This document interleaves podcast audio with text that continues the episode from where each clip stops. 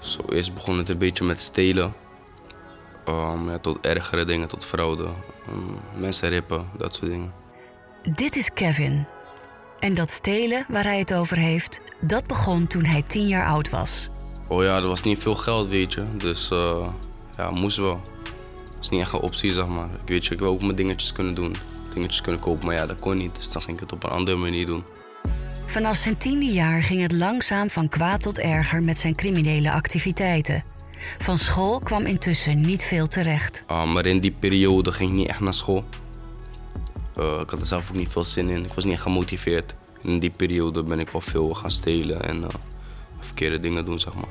Kevin had al vroeg geen contact meer met zijn ouders en werd opgepakt. Hij vertelt dat hij in zijn latere leven veel moeite had om een baan te vinden. Wanneer hij eerlijk vertelde dat hij een jaar had vastgezeten, was er geen belangstelling meer bij werkgevers. Maar verderop in zijn verhaal gaan we horen dat er toch een uitweg voor hem was. Doordat er iemand was die bereid was om heel anders naar hem te kijken en nu met hem samenwerkt. Welkom bij de derde aflevering van Geboeid, een podcastserie van het Centrum voor Criminaliteitspreventie en Veiligheid over de aanpak van jeugdcriminaliteit en de ondermijning die daaruit voortkomt. In deze aflevering kijken we naar het samenwerking in het beleid. Deze aflevering heet Een nieuwe aanpak. Om meer te horen over de voordelen van samenwerken in de aanpak van jeugdcriminaliteit praten we met Timo van der Pol. Hij is forensisch psychotherapeut. Hij werkt met jongeren en jongvolwassenen van 14 tot 27 jaar die problemen hebben en met de politie in aanraking zijn geweest. Daarnaast is hij onderzoeker via de Universiteit van Amsterdam bij het AUMC. In deze podcast spreken we met hem vooral als behandelaar of hoofdbehandelaar. Wat je ziet in de forensische zorg is dat het heel erg uh, gefragmenteerd is. En dat mensen vaak ook een korte periode, zeg een half jaar of een jaar, dan in zo'n gezin zitten. En wat je ook vaak ziet is dat er uh, heel veel mensen om zo'n gezin staan op het moment dat het met één persoon in het gezin niet goed gaat. En ja, dat is wel een groot probleem. Timo van der Pol ziet ook dat een gezin met een jongere die op het criminele pad terecht dreigt te komen, vaak te maken krijgt met een groep van behandelaars. En vooral ook met veel wisselende personen. Wat je eigenlijk wil is dat een beperkt aantal mensen langere tijd commitment toont om samen met het gezin en de jongeren uh, ja, tot verandering te komen. Dat is denk ik wel key. En dat hoor je ook van heel veel jongeren die dat zeggen. Van dat heb ik vooral nodig. Want ja, je bent al de veertigste in de rij. Uh, en niet alleen van 9 tot 5, hè, maar dat je ook s'avonds uh, kan bellen. Of dat je ook eens een keertje kan helpen met de verhuizing. Of dat je ook eens iets leuks gaat doen met iemand. Fragmentatie van de zorg en wisselende gezichten van de mensen die de zorg uitvoeren. Wat Timo van der Pol hier aan de orde stelt, zijn twee problemen die je door bijna de hele zorg heen terugvindt. Maar er zijn ook mensen die oplossingen gevonden hebben. En hun verhaal hoor je later. Door deze aflevering heen hoor je ook het verhaal van Barry. Bij hem gingen er dingen mis in zijn vroege jeugd. Zijn moeder overleed toen Barry zes jaar oud was. Oudere broers en zussen namen de zorg voor Barry op zich, maar dat ging niet goed omdat zij door een baan te weinig tijd voor hem hadden. Hij ging naar een vader die hij nog nooit eerder had ontmoet. Ben ik voor een jaartje naar mijn vader gaan, toen wel kende mijn vader helemaal niet. Het was ook weer nieuw, want daar had ik ook allemaal weer nieuwe zussen, zeg maar, een nieuw huis, zeg maar. Alleen um, mijn vader die was heel streng en die is um, Surinaams opgevoed, zeg maar. Maar in die periode, zeg maar, zat ik eigenlijk um, in een sombere periode, zeg maar, waar ik me niet echt begrepen voelde door mensen en niet echt gehoord, waardoor ik me dus niet kon focussen op school. Bij zijn vader ging het met Barry langzaam mis. Barry werd steeds somberder. Dat mijn vader niet echt begreep in wat voor sombere periode ik zag, of waar ik mee zat. Maar uiteindelijk heeft um, zijn mijn broers en mijn zus kwamen daarachter of ze merkten dat. Hebben ze eigenlijk aan de, ja, aan de bel getrokken. Eindelijk met jeugdzorg um, gaan zitten aan tafel ben ik uiteindelijk bij mijn zus terechtgekomen. Mijn zus was heel jong, want mijn zus was um, toen mijn moeder overle overleed was zij 18 en ook in verwachting. Barry was negen jaar oud toen hij bij zijn zus terecht kwam. Op het speciaal onderwijs vond hij zijn weg, maar het gevoel van gemis, dat bleef. Ik merkte wel dat ik me toch niet begrepen voelde. Um, laat ik zeggen, omdat ik gewoon, het is gewoon, ik kreeg wel heel veel liefde van mijn broers en mijn zus, maar het is niet de liefde, het is de leegte, zeg maar, die kunnen hun zeg maar niet vullen. Waardoor ik me eigenlijk um, ja, gewoon leeg van binnen voelde en niet gehoord. Berry kwam in een achterstandsbuurt waar zijn zus woonde op straat terecht. Bij oudere jongens die ook met problemen kampten. Daar ging het langzaam de verkeerde kant op. Op een gegeven moment word je ouder. Maar uiteindelijk wanneer je gaat puberen, begrijp, ehm, dan draait het wel meer. Dan draait het om meisjes. Je wordt graag uh, gezien worden. Wil je wel ook de kleding hebben en alles, zeg maar. De status. Dus dan ging het meer daarom draaien. En zo merkte ik dus, zeg maar, dat het steeds um, zwaarder werd. Dus van een uh, straatroof naar scooter stelen. Uh, mee naar de inbraak. Omdat jij de kleinste bent, moet je als eerst door het, uh, door het raampje heen en alleen de deur van de. Dan moet zo snel mogelijk weg, wegwezen. krijg je 200 euro of zo. De kinderen van Diana Sarjour kregen ook te maken met de criminele wereld. Voor Diana was dat een van de redenen om een nieuwe organisatie op te richten die probeert moeders van criminele kinderen te ondersteunen. De moeder is de sleutel. Zelf kreeg zij op een gegeven moment een arrestatieteam aan de deur die haar kind van 14 jaar oud kwam halen. De wereld stort in. De hele wereld stort in. Je weet niet wat je moet doen. Het is allemaal nieuw. Weet je, wel iedereen om je heen doet dat je wel weet wat je moet doen. Nee, dat weet ik niet. Want ik heb geen criminelen opgevoed. Zoals men je probeert uit te leggen. En, en dat vond ik wel jammer. Dat, dat ze best wel een houding hadden van... ja, je zal het wel weten. Diana bleef na de arrestatie in totale verwarring achter. Niemand vertelde haar wat er verder zou gebeuren of wat haar rechten waren. Je, je zit bij, bij de telefoon te wachten tot iemand je belt. Dan gaat iemand je bellen. Uh, ik wist van God niet dat ik naar mijn zoon toe mocht, omdat hij minderjarig was. Ze dus moest alles zelf uitvinden. Ik kreeg totaal geen informatie, pas achteraf. De overige kinderen hadden ook te lijden onder de arrestatie van hun broer. Zoals het zevenjarige dochtertje van Diana, die niets met de activiteiten van haar broer te maken had. Dat zij niet meer werd uitgenodigd voor verjaardagen. Uh, ze mocht opeens niet meer bij vriendinnetjes spelen.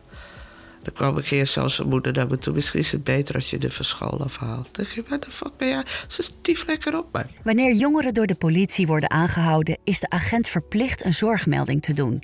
Alleen zitten die meldingen soms vol met aannames... en controleert niemand of die kloppen, zegt Diana. Zij kon haar zorgmeldingen inzien. En als ik zag wat erin stond, dacht ik, wat de hel? Dat klopt helemaal niet. Dus toen ben ik er ook tegen gaan vechten. Van nee, ik ga, weet je, ik ga dit niet pikken. Maar het is constant als, uh, of je in gevechtmodus bent. Dat je constant maar moet uh, bewijzen dat het niet zo is. Dus iedereen kan wat roepen, of het waar is of niet. Weet je? Maar jij moet dus gaan bewijzen dat het niet zo is. En dat is best wel een helft job. Diana voelde dat ze werd gestript van haar eigen waarde door alle meldingen en foute aannames die daarin voorkwamen. Gerard Willems is wijkagent in Leeuwarden en weet hoe agenten zoals hij kunnen ingrijpen. Welke mogelijkheden ze tot hun beschikking hebben. Hij was als Friese wijkagent natuurlijk niet betrokken bij de inval in het huis van Diana en kan er ook geen oordeel over geven. Maar hij probeert zich wel te realiseren dat zo'n plotselinge gebeurtenis in een huis voor bewoners, wat ook de achtergrond is van de inval, enorm ingrijpend is kijk naar hoe jij het zou vinden als zo'n instantie, of dat nou politie is of jeugdzorg of welke instantie dan ook, jouw huis binnenvalt om vervolgens te gaan zeggen wat er allemaal wel niet fout is of wat er niet goed is en wat jij had moeten doen. Gerard raadt collega's aan om altijd in het achterhoofd te houden dat veel mensen, ook als het misloopt, wel echt proberen om hun kinderen op een goede manier op te voeden. Hij probeert de goede bedoelingen te zien en daarop in te spelen. Ik ga toch van het goede van de mens uit dat mensen toch naar eer en geweten proberen uh, hunzelf en hun kinderen groot te brengen op een manier die hun goed vinden. En die standaard is natuurlijk voor iedereen verschillend, maar ergens zal het een rode draad zijn. Ik kan me niet voorstellen dat er mensen leven die denken van nou, ik laat mijn kinderen groot worden zodat het een grote crimineel kan worden en dat hij later alleen maar dingen kan doen die fout zijn. Dat, dat geloof ik niet in. Uitgaande van goede bedoelingen is volgens Gerard niet hetzelfde als extra veel door de vingers zien. Hij had een keer contact met een gezin waarvan het jongste kind steeds verder op het criminele pad ging. Hij besloot een proces verbaal op te maken en verwachtte eigenlijk dat de ouders daar boos over zouden zijn. Volgens Gerard is het een goed voorbeeld van waar hard optreden juist heel goed werkte. De ouders stonden er helemaal open voor en waren eigenlijk wel blij dat die stap gezet werd. Uh, er kwam, zij het op een dwingende manier, maar toch hulp in het gezin. En daar was het gezin uiteindelijk echt mee geholpen. Er werden grenzen gesteld doordat er min of meer verplicht met hun meegekeken werd. Wat gaat goed, wat gaat niet goed. In plaats van af en toe is dat losse bezoekje van mij. Nou, dat is dan een stap die je zet waarvan je denkt van... hé, hey, nu gaan we dingen winnen. We gaan terug naar het verhaal van Barry. Zijn moeder overleed toen hij heel jong was en hij kwam bij zijn zus terecht en zwier veel rond op straat. Daar kwam hij in contact met criminele jongeren. Tijdens de gesprekken op school heeft hij inmiddels geleerd welke antwoorden er gewenst zijn en welke niet. Kijk, ik was, ik was daar heel goed in. Ik ging van mijn zesde tot en mijn zeventiende heb ik gesprekken gehad bij jeugdgesprek. Maar elk gesprek is hetzelfde, zeg maar. Op een gegeven moment wist ik gewoon al wat diegene zou vragen en wat ik moest antwoorden. En wist ik alles gewoon uit mijn hoofd, zeg maar. Dus ik was daar zo goed in dat ik uiteindelijk mijn gevoelens uitzet. Dat ik naar een gesprek kom en dat ze vragen hoe gaat het goed. Ja, en ik ga gewoon naar school en doe mijn best en goed dat ik gewoon naar mijn antwoord kan geven. En dan was het, oké, is goed, is goed. Dan zie je volgende week weer. En dan volgende week, volgende week ga ik weer weg. De gesprekken die met Barry worden gevoerd zijn in feite niet meer dan vragenlijstjes die in zo'n kort mogelijke tijd worden afgerond. Dus ik had nooit echt het um, gevoel dat van zo'n andere zorgverleners dat het gemeend was. En dat ze het um, echt wilden helpen. Barry raakt steeds dieper verzeild in de straatbendes. Zijn wereld wordt steeds gewelddadiger. En wij zijn dan met elkaar opgegroeid en hebben echt een broedersband zo opgebouwd. Omdat we elkaar begrepen dat we door elkaar, door het, voor elkaar de vuur, uh, door het vuur gingen, zeg maar. Als iemand jou aanraakt, komen wij meteen, zeg maar. Dus moesten wij ook meteen reageren ook. Waardoor van, uh, ja, ook vele zware delicten, dus van steekpartijen tot schietpartijen. Bij de preventieve aanpak die nu op veel scholen en buurthuizen gebruikt wordt, zie je vaak de inzet van ervaringsdeskundigen, dus jongeren die zelf in de gevangenis hebben gezeten. Jan Dirk de Jong is lector aanpak jeugdcriminaliteit aan de Hogeschool Leiden. Hij geeft les in de aanpak van jeugdcriminaliteit en heeft veel onderzoeken gedaan. Hij ziet vaak dat professionals denken dat zo'n bezoek per definitie al goed is. Hij stelt daar vraagtekens bij, zeker als de ervaringsdeskundigen niet goed zijn voorbereid. En die gaat daar even vertellen uh, dat, het, dat je vooral niet crimineel moet worden. Nou, en wat zie je dan? Echt letterlijk, hè? Dat als zo'n persoon dan geïnterviewd wordt, vrij kritiekloos moet ik zeggen op de NOS, uh, van hoe is het gegaan? Dan zegt hij van nou, als op elke school waar ik kom, heel gek. Het eerste wat die jongeren vragen aan mij is, hoeveel verdien je ermee? Nou, en dan vertel ik ze dat en vinden ze het allemaal prachtig. En dan denk ik bij mezelf, hallo, waar is de check hier? Want uh, dit zijn dus tieners. Ik ben ook een tiener geweest. Jongens zijn heel dom op die leeftijd. Ik was ook heel dom op die leeftijd. Los van je IQ. Als je dat hoort, ben je alleen maar bezig met wauw, wat een hoop geld. En ik doe het vast beter dan die sukkel die hier voor de klas staat. En, en bovendien, de jongetjes die daar al mee bezig zijn. Als die persoon langskomt. En er komt ook nog iemand van de politie langs. En er komt ook nog iemand van het OM langs. En in een school hier in deze stad komt zelfs de burgemeester op school langs. Om te vertellen dat je vooral niet in de drugscriminaliteit moet gaan. Hoe belangrijk denk je dat we die jongens dan maken? Jan Dirk de Jong is bang dat scholen hiermee een averechts effect creëren. En de oplossing is nog niet zo gemakkelijk, want criminele bendes blijken nog altijd een grote aantrekkingskracht te hebben op jongeren. Dat gaat vooral over macht, over status, gezien worden. Hij pleit ervoor om ook de negatieve kanten van zo'n bende te laten zien en erbij benadrukken dat je al die nadelen in een gewone baan allemaal niet hebt. Eigenlijk moeten we die jongeren beter ronselen dan de straat. We hebben ook meer te bieden in de open samenleving. Want wat zij vooral op de straat krijgen, is een verharde straatcultuur waar ze wel bepaald broederschap vinden en gezien worden en erbij horen ertoe doen. Maar het is heel hiërarchisch. Ze zijn niet allemaal gelijkwaardig, zoals wij dat toch graag in de samenleving wat meer willen hebben. En uh, uh, het is ook zo dat daar heel veel conflict is. Dus, dus er is heel veel uh, Je kan daar moeilijk kritiek hebben op de basis van de drugsorganisatie. Want dan word je toch snel uh, uh, duidelijk gemaakt dat dat niet de bedoeling is. Dus weinig inspraak, laat ik het zo zeggen. Jan Dirk zegt dat we er meer energie in zouden moeten steken om jongeren duidelijk te maken dat er veel meer kansen zijn buiten de criminaliteit. Alleen dat maken wij ze onvoldoende duidelijk. Dat mogen ze vooral zelf bedenken. Waarom het zo leuk is hier. En we maken het ze ook nog eens natuurlijk moeilijk met allerlei ervaringen die ze opdoen, waardoor ze denken dat ze daar helemaal niet bij horen en zo. Dus daar zouden we keihard aan moeten werken. Jan Dirk sprak over dit probleem met deskundigen uit een onverwachte hoek, de reclamewereld. Die vinden vooral dat er veel te veel aandacht is voor de gevaren van criminele bendes. Vertel vooral je eigen verhaal. Laat merken hoeveel fijner het leven buiten de criminaliteit in de gewone wereld is.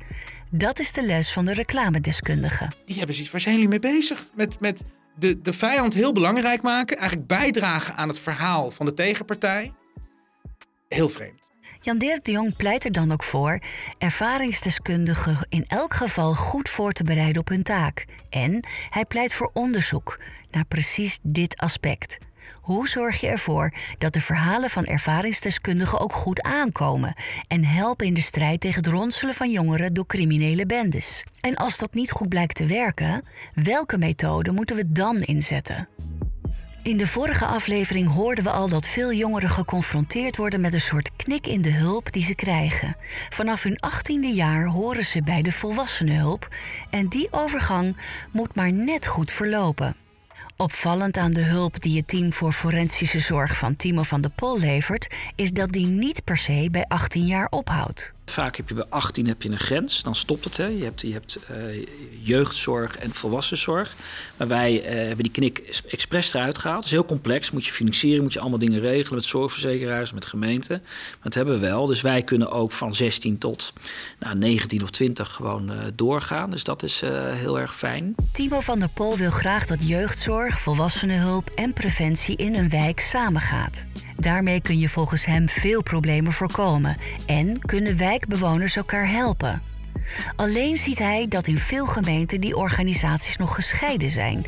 Een wijkgerichte aanpak brengt de eerste lijns en de tweede lijns hulp samen. Eh, ik vind dat het één is. Weet je, we zijn allemaal mensen die bezig zijn ja, om te kijken: uh, zijn er gezinnen die problemen hebben of uh, waar dingen georganiseerd moeten worden.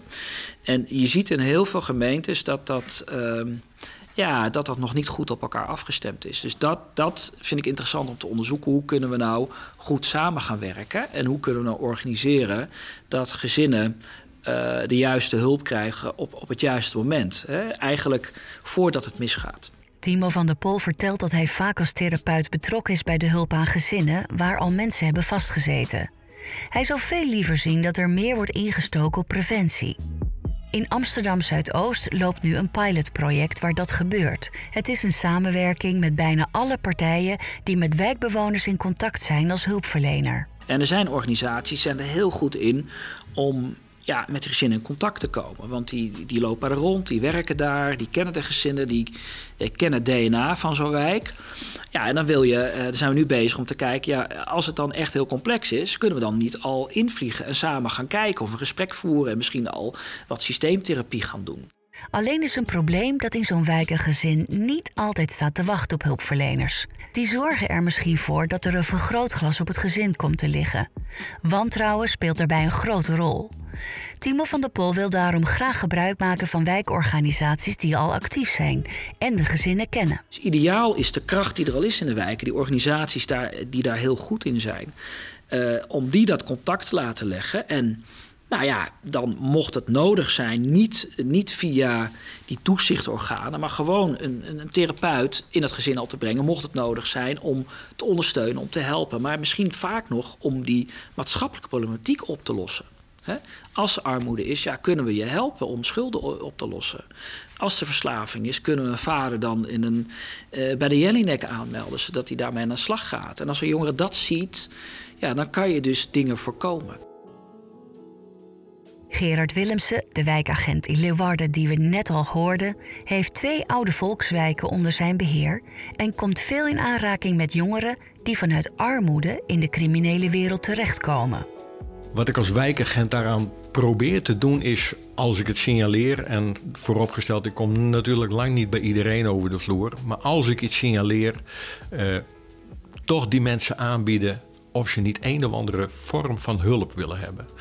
Eh, om te zien of we de boel weer een klein beetje op orde kunnen krijgen. En dat begint in mijn beleving al bij het huis waar men woont. In de buurten waar Gerard Willemsen werkt zijn veel huizen particulier verhuurd. Dat zijn soms huurpanden waarin weinig wordt geïnvesteerd, met alle gevolgen van dien. Daar begint Gerard dan ook vaak, met het huis. Dat probeer ik dan voor die mensen uh, een klein beetje op te lossen in de zin van wat kan er eventueel met behulp van een huurteam, wat kan er eventueel met behulp van een sociaal wijkteam, wat kan daarin veranderd worden, wat zijn de mogelijkheden die we daarin hebben. Op het moment dat je iemand bij die mensen in huis kan krijgen, kun je dus ook gaan werken aan de woonsituatie aan zich. Van ja, als je, in mijn beleving, als het een enorme bende in een huis is, is de kans dat de bovenkamer van deze mensen zelf, en dan bedoel ik in het hoofd zelf, dat die opgeruimd is, niet zo heel erg groot. Dus als je daaraan kan gaan werken, heb je kans dat de mensen een iets reëler beeld krijgen van wat zijn mijn mogelijkheden nu echt. Gerard komt vaak organisaties of hulpverleners tegen die er tegenop zien om informatie met hem te delen. Mag dat wel? Moet de cliënt daar zelf niet eerst mee akkoord gaan? En krijg ik hier geen problemen mee? Zijn soms de vragen die eerst beantwoord moeten worden.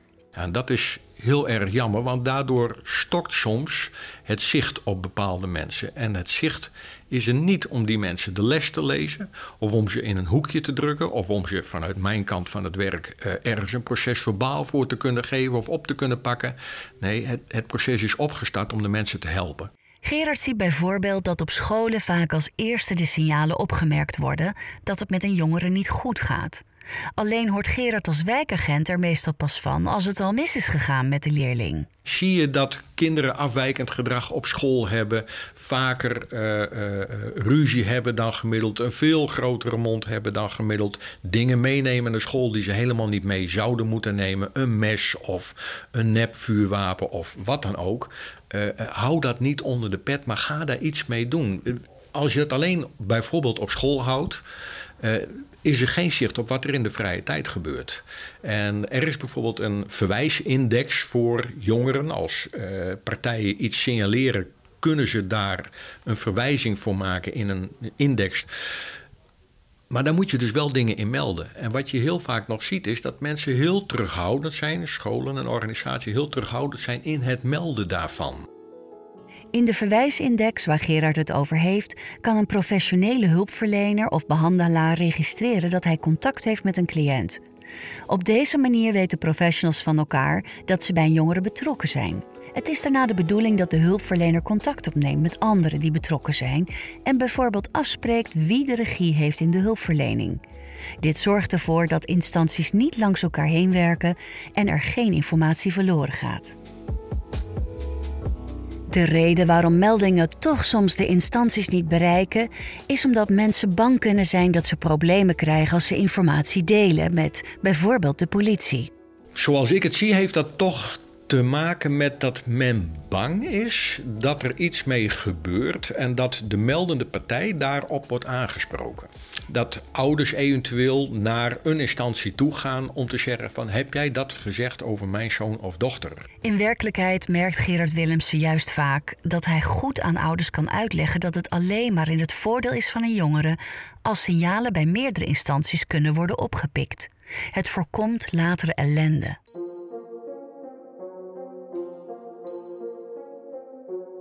Terug naar Barry. In zijn leven zijn er inmiddels nog meer dingen misgegaan. Hij komt steeds dieper in straatbendes terecht en dat leidt tot steeds meer geweld, steekpartijen en er wordt voor de deur waar hij woont geschoten. Uiteindelijk is er ook bijvoorbeeld op mijn woning bijvoorbeeld is beschoten, zeg maar. De, waar mijn zusje bijvoorbeeld slaapt mijn zusjeskamer bijvoorbeeld.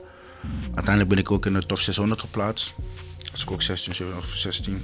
De top 600. Een lijst van de 600 meest overlastgevende en gewelddadige criminelen. Onderzoek laat zien dat veel, zo niet bijna al deze jongeren in hun jeugd al in aanraking zijn gekomen met jeugdzorg, net als Barry. Om de maatschappij te beschermen is er gekozen voor een aanpak waarin straf en zorg gecombineerd wordt. Maar intussen is horen bij de top 600 iets geworden onder criminele jongeren wat een heel andere lading heeft gekregen. Voor de jongste staat is het een soort status uiteindelijk wel. Je bent gewoon de top 600 in. Dus als je dat hoort van, oké, dat is wel een grote jongen, zeg maar. Barry wordt opgepakt voor openlijke geweldpleging.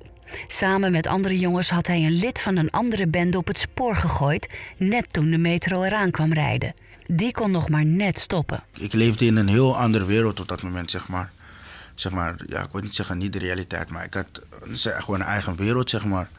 Gewoon, ehm, het was eh, mij en mijn broeders gewoon door het vuur en niemand raakt mijn broeders aan. Raak mijn broeders aan, komen wij van jou. Wij zijn gewoon één familie.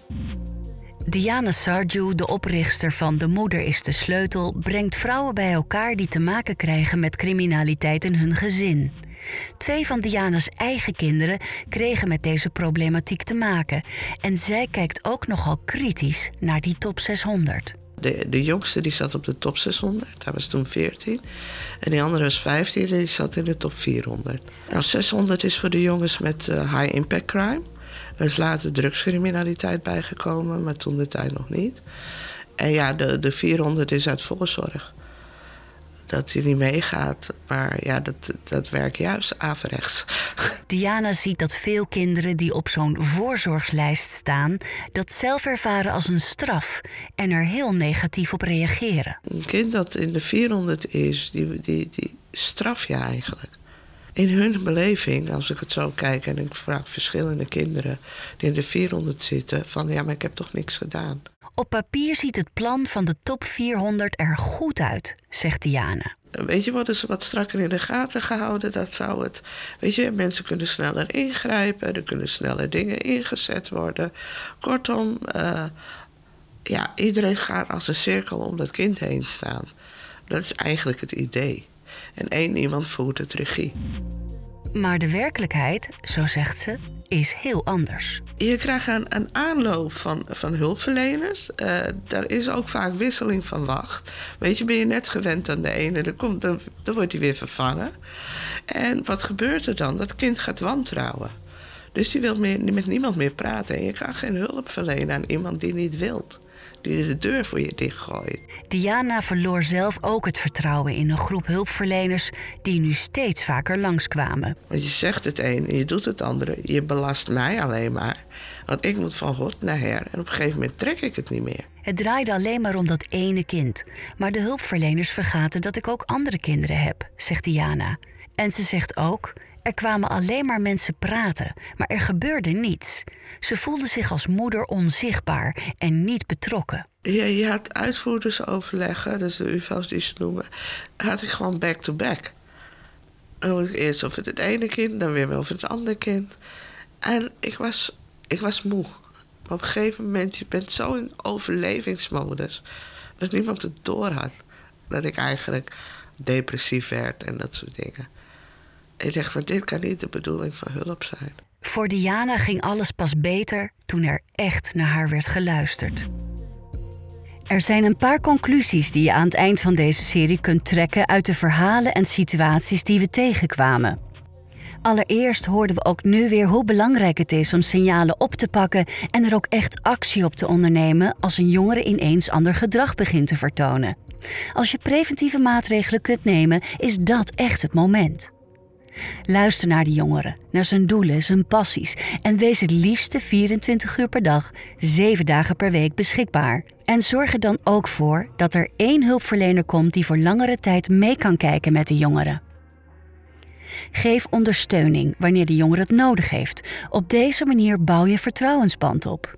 En geef hulp aan een gezin in samenhang als er meerdere gezinsleden ondersteuning nodig hebben. Betrek de jongeren, zijn gezin en wijkorganisaties bij het maken van het plan. Het hebben van een baan is belangrijk voor deze jongeren. Geef ze een kans. En laat ze vooral zien dat het leven zonder criminaliteit beter is. We willen je nog graag even de afloop van het verhaal van Kevin laten horen. Kevin vertelde daarnet dat hij heel veel moeite had om een baan te vinden. Wanneer hij eerlijk vertelde dat hij een jaar had vastgezeten, was er geen belangstelling meer bij werkgevers. Totdat hij Roger tegenkwam, die actief was in de muziekwereld. Ze gingen samenwerken en Kevin merkte al snel dat hij hier zijn doel gevonden had. Ik ga hier gewoon mijn focus op zetten. En ik, uh, ik ga dit gewoon laten lukken. Zo dacht ik gewoon, ja. En dat is wel aardig. eh, ik ben aardig onderweg, zeg maar. Volgens Kevin is het voor jongeren die uit de criminele wereld komen belangrijk om een doel te vinden in hun leven. Een passie waar ze hun energie in willen steken. Ja, zoek gewoon iets. eh, iedereen, ik denk dat iedereen wel een hobby heeft. Of iets eh, wat hij leuk vindt om te doen. En probeer van dat jouw werk te maken, weet je. Ehm, en probeer je te omringen met goede mensen. Met mensen die je alleen maar omhoog brengen in plaats omlaag. Ehm, dat denk ik dat het voornamelijk het belangrijkste dingetje is. Kevin vond zijn passie in muziek. Hij helpt jongeren om muziek op te nemen en wil er zijn toekomst van maken. En Roger was bereid om eventuele vooroordelen aan de kant te schuiven, om zo Kevin een kans te geven. Barry, de andere jongen die je in deze aflevering hoorde praten, kreeg ook een kans aangeboden en die heeft hij gegrepen. Achter de tralies ging hij in eerste instantie met het criminele leven door. Hij smokkelde mobiele telefoons en verdovende middelen naar binnen. Maar hij kreeg ook een overwicht binnen de groep en kon relletjes sussen en vechtersbazen tot de orde roepen. Dat was het moment waarop de begeleiders van de inrichting hem voor een keuze stelden. hebben heel veel gesprekken met mij gehad. Maar uiteindelijk gewoon apart zeiden tegen mij van... ehm, wat wil je met je leven? Want dat is in principe ook heel even gesprek met gehad. Wat wil je met je leven? Maar die va- iedereen, ik heb die vraag heel vaak al gehoord in die tijd hoor. Want ja, mijn zus bijvoorbeeld, die heel veel van me houdt. Die zegt, is dit de leven wat je wilt? Ehm, ja, maar ik kan geen antwoord erop geven, zeg maar. Ik, ehm, uiteindelijk was ik, ehm, vroeg hij dat aan mij. Op dat moment was ook, eh, toen ik dus toen ook binnen zat, was ook, eh, kreeg ik ook een zoontje. Dus op dat moment toen, toen mijn vriendin, die was toen nog eh, in verwachting, zeg maar.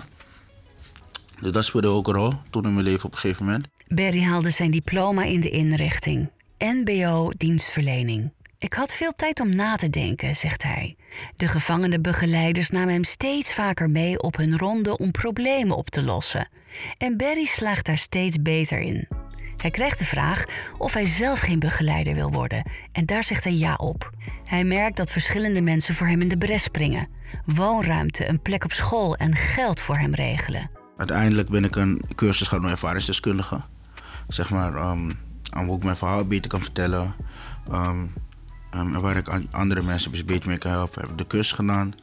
Een paar keer bijeenkomsten, ko- ko- bijeenkomsten gedaan. En dan schoof ik een naam in de zorgwereld. eh, in principe gemaakt. En nu doe ik overal. Deed ik dus overal bijeenkomsten, zeg maar. Barry vertelt ook zijn verhaal aan jongeren en probeert zo mensen te helpen buiten de criminele wereld te blijven. Maar hij is dan wel een van de ervaringsdeskundigen die een opleiding heeft gekregen om ervoor te zorgen dat zijn verhaal goed aankomt.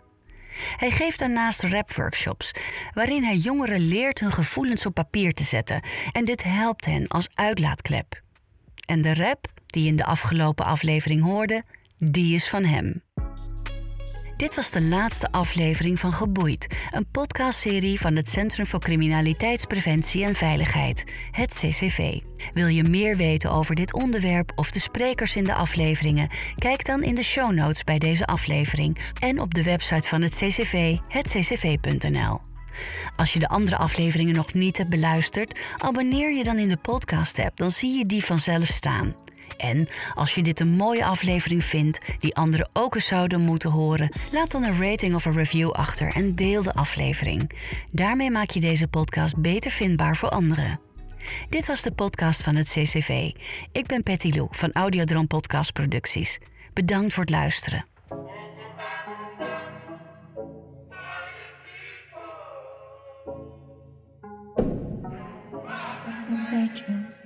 Zoveel tranen op mijn t-shirt. Zocht alleen een beetje liefde. Probeer het verleden zo vaak te vergeten. Daarom zoek ik naar die brieven. Mama, I don't wanna cry. Maar zo lijkt het of niemand mij begrijpt. Ik zweer het, mijn hart doet zoveel pijn. I am just a lonely child. Gesprekken met mezelf, alleen ik en mijn gedachten. Zocht alleen een beetje liefde om de pijn niet te verzachten. Gevorderd door de straten, zeg mijn broertje, wat verwacht je? Gek hoe ze me schilderen als grote crimineel. Weten niks van mijn verleden, maar toch oordelen ze veel. Geassocieerd als crimineel, maar de staat creëert hem zelf. Kleine jongens opgesloten op een groep of een cel. Neem een kijkje in de zorg en vraag je af of het helpt. Ik had een zware bagage en ik zat alleen in die hel. Ondanks de pijn, maar had die puur, maar velen maakten het fel. Neem jezelf geen jeugdzorg als je de jeugd toch niet helpt.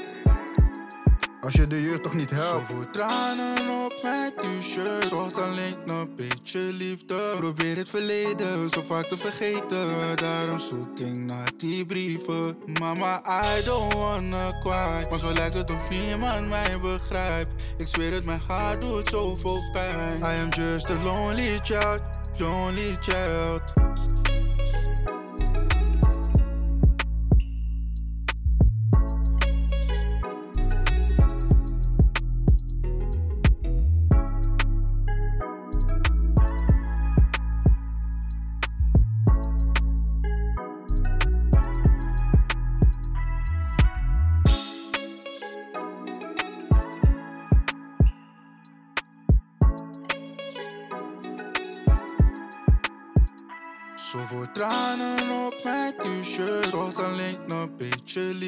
Probeer het verleden zo vaak te vergeten. Daarom zoek ik naar die brieven. Mama, I don't wanna cry. Maar zo lijkt het of niemand mij begrijpt. Ik zweer het, mijn hart doet zoveel pijn. I am just a lonely child, lonely child.